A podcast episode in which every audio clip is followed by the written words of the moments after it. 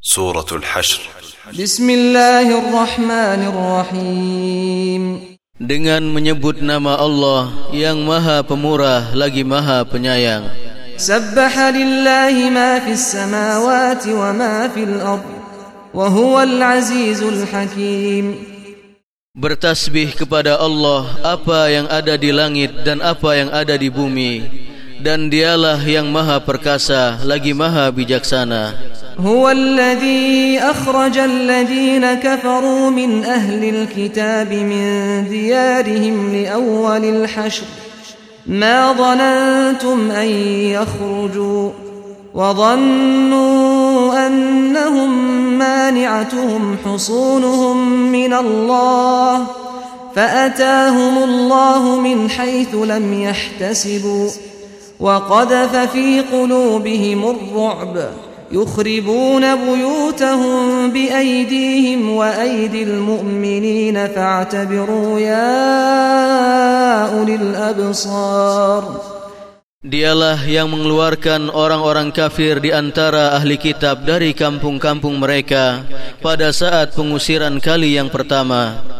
Kamu tiada menyangka bahwa mereka akan keluar dan mereka pun yakin bahwa benteng-benteng mereka akan dapat mempertahankan mereka dari siksa Allah. Maka Allah mendatangkan kepada mereka hukuman dari arah yang tidak mereka sangka-sangka. Dan Allah mencampakkan ketakutan ke dalam hati mereka. Mereka memusnahkan rumah-rumah mereka dengan tarangan mereka sendiri dan tangan orang-orang yang beriman. Maka ambillah kejadian itu untuk menjadi pelajaran Hai orang-orang yang mempunyai pandangan Walaula an kataballahu alaihimul jala'a la'adzabahum fid dunya Walahum fil akhirati adabun nar dan jikalau tidaklah karena Allah telah menetapkan pengusiran terhadap mereka Benar-benar Allah mengazab mereka di dunia Dan bagi mereka di akhirat azab neraka Zalika biannahum syaqullah wa rasulah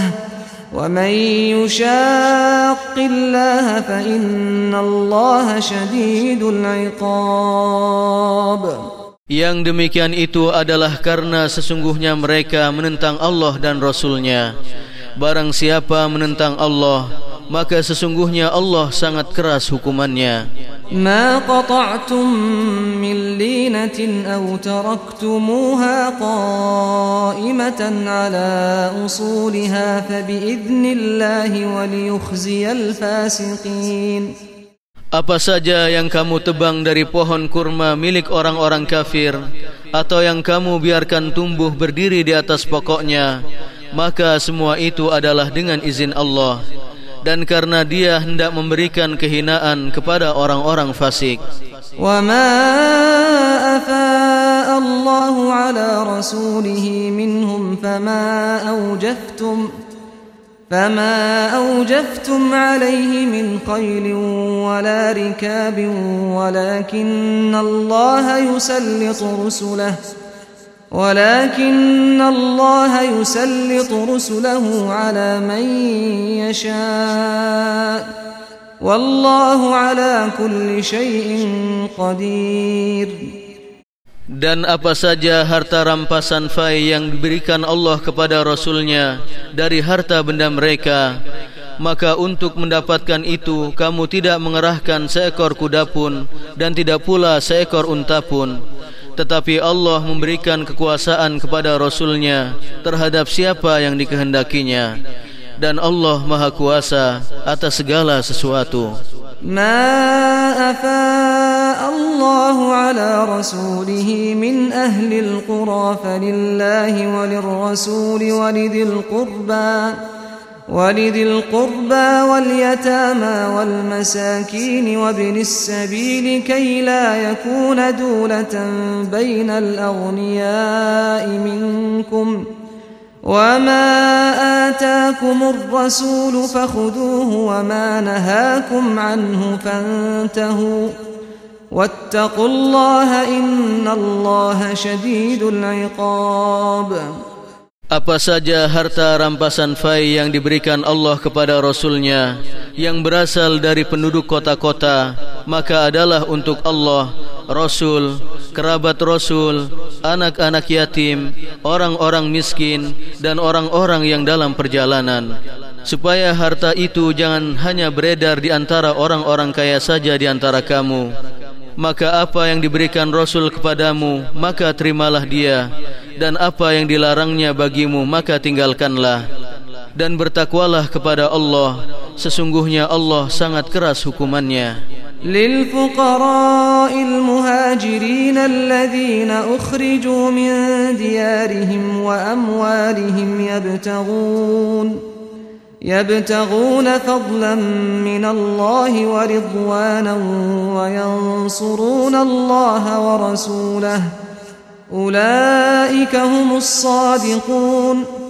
Juga bagi para fukara yang berhijrah yang diusir dari kampung halaman dan dari harta benda mereka karena mencari karunia dari Allah dan keridoannya dan mereka menolong Allah dan Rasulnya mereka itulah orang-orang yang benar والذين تبوأوا الدار والإيمان من قبلهم يحبون من هاجر إليهم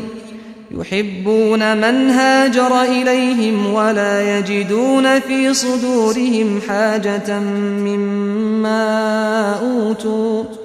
ويؤثرون على أنفسهم ولو كان بهم خصاصة ومن يوق شح نفسه فأولئك هم المفلحون Dan orang-orang yang telah menempati kota Madinah dan telah beriman yaitu kaum Ansar sebelum kedatangan Muhammad dan kaum Muhajirin mereka mencintai orang yang berhijrah kepada mereka dan dan mereka tiada menaruh keinginan dalam hati mereka terhadap apa-apa yang diberikan kepada kaum muhajirin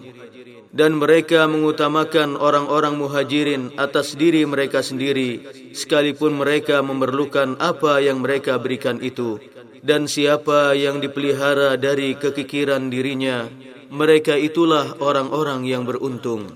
والذين جاءوا من بعدهم يقولون ربنا اغفر لنا ولإخواننا الذين سبقونا بالإيمان ولا تجعل في قلوبنا غلا للذين آمنوا ربنا إنك رؤوف رحيم Dan orang-orang yang datang sesudah muhajirin dan ansor, mereka berdoa, Ya Tuhan kami, beri ampunlah kami dan saudara-saudara kami yang telah beriman lebih dahulu dari kami. Dan janganlah engkau membiarkan kedengkian dalam hati kami terhadap orang-orang yang beriman. Ya Tuhan kami, sesungguhnya engkau maha penyantun lagi maha penyayang. Alam ألم تر إلى الذين نافقوا يقولون لإخوانهم الذين كفروا من أهل الكتاب ؟ لئن أخرجتم لنخرجن معكم ولا نطيع فيكم أحدا أبدا وإن قوتلتم لننصرنكم والله يشهد إنهم لكاذبون Apakah kamu tiada memperhatikan orang-orang yang munafik yang berkata kepada saudara-saudara mereka yang kafir di antara ahli kitab Sesungguhnya jika kamu diusir Niscaya kami pun akan keluar bersama kamu Dan kami selama-lamanya tidak akan patuh kepada siapapun Untuk menyusahkan kamu Dan jika kamu diperangi Pasti kami akan membantu kamu Dan Allah menyaksikan bahwa sesungguhnya mereka benar-benar pendusta لئن أخرجوا لا يخرجون معهم ولئن قوتلوا لا ينصرونهم ولئن نصروهم ليولن الأدبار ولئن نصروهم ليولن الأدبار ثم لا ينصرون Sesungguhnya jika mereka diusir, orang-orang munafik itu tidak akan keluar bersama mereka. dan sesungguhnya jika mereka diperangi niscaya mereka tidak akan menolongnya sesungguhnya jika mereka menolongnya niscaya mereka akan berpaling lari ke belakang kemudian mereka tiada akan mendapat pertolongan la antum ashaddu rahbatan fi sudurihim min Allah ذلك بأنهم قوم لا يفقهون Sesungguhnya kamu dalam hati mereka lebih ditakuti daripada Allah Yang demikian itu karena mereka adalah kaum yang tiada mengerti لا يقاتلونكم جميعا إلا في قرى محصنة أو من وراء جدر بأسهم بينهم شديد تحسبهم جميعا وقلوبهم شتى ذلك بأنهم قوم لا يعقلون Mereka tiada akan memerangi kamu dalam keadaan bersatu padu kecuali dalam kampung-kampung yang berbenteng atau di balik tembok. Permusuhan antara sesama mereka adalah sangat hebat. Kamu kira mereka itu bersatu sedang hati mereka berpecah belah. Yang demikian itu karena sesungguhnya mereka adalah kaum yang tiada mengerti. كمثل الذين من قبلهم قريبا ذاقوا وبال أمرهم ولهم عذاب أليم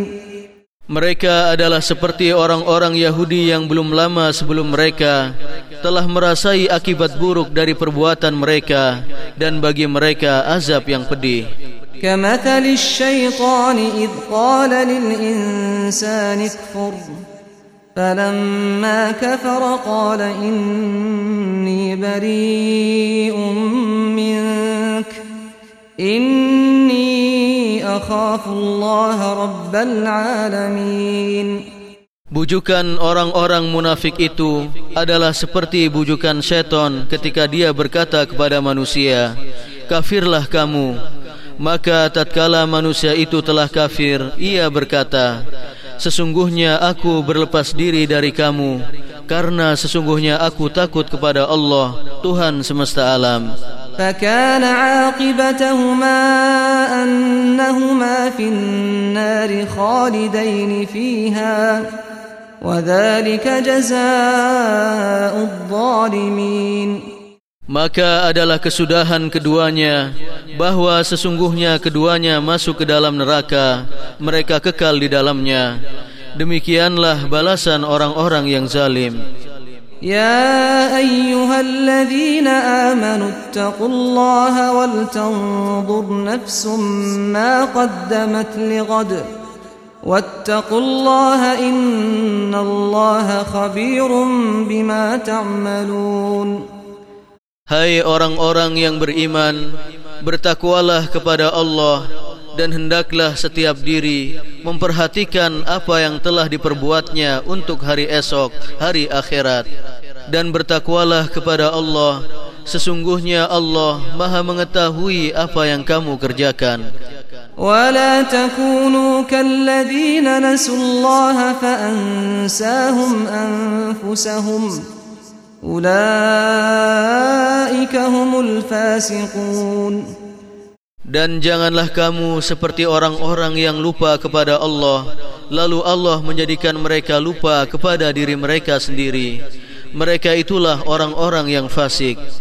لا يستوي أصحاب النار وأصحاب الجنة أصحاب الجنة هم الفائزون Tiada sama penghuni-penghuni neraka dengan penghuni-penghuni sorga. Penghuni-penghuni sorga itulah orang-orang yang beruntung. لو أنزلنا هذا القرآن على جبل لرأيته خاشعا متصدعا من خشية الله وتلك الأمثال نضربها للناس لعلهم يتفكرون Kalau sekiranya kami menurunkan Al-Quran ini kepada sebuah gunung, pasti kamu akan melihatnya tunduk terpecah belah disebabkan takut kepada Allah. Dan perumpamaan-perumpamaan itu kami buat untuk manusia supaya mereka berfikir. Huwa Allahu alladhi la ilaha illa huwa alimul ghaibi wasyahadah. Huwa Al rahmanur Rahim. Al Dialah Allah yang tiada Tuhan yang berhak disembah selain Dia Yang maha mengetahui yang gaib dan yang nyata Dialah yang maha pemurah lagi maha penyayang Huwa Allahu alladhi la ilaha illa huwal malikul quddusus salamul mu'minul muhaimin salamul المؤمن المهيمن Azizul Jabbarul المتكبر Subhanallahi amma yushrikun Dialah Allah yang tiada Tuhan yang berhak disembah selain dia Dialah Raja yang maha suci Yang maha sejahtera Yang maha mengaruniakan keamanan Yang maha memelihara Yang maha perkasa Yang maha kuasa Yang maha memiliki segala keagungan Maha suci Allah dari apa yang mereka persekutukan Huwallahul khaliqul bari'ul musawwir Lahul asma'ul husna Yusabbihu lahu ma fis samawati wal ardi Wa huwal azizul hakim Dialah Allah yang menciptakan, yang mengadakan, yang membentuk rupa, yang mempunyai nama-nama yang paling baik, bertasbih kepadanya apa yang ada di langit dan apa yang ada di bumi, dan dialah yang maha perkasa lagi maha bijaksana.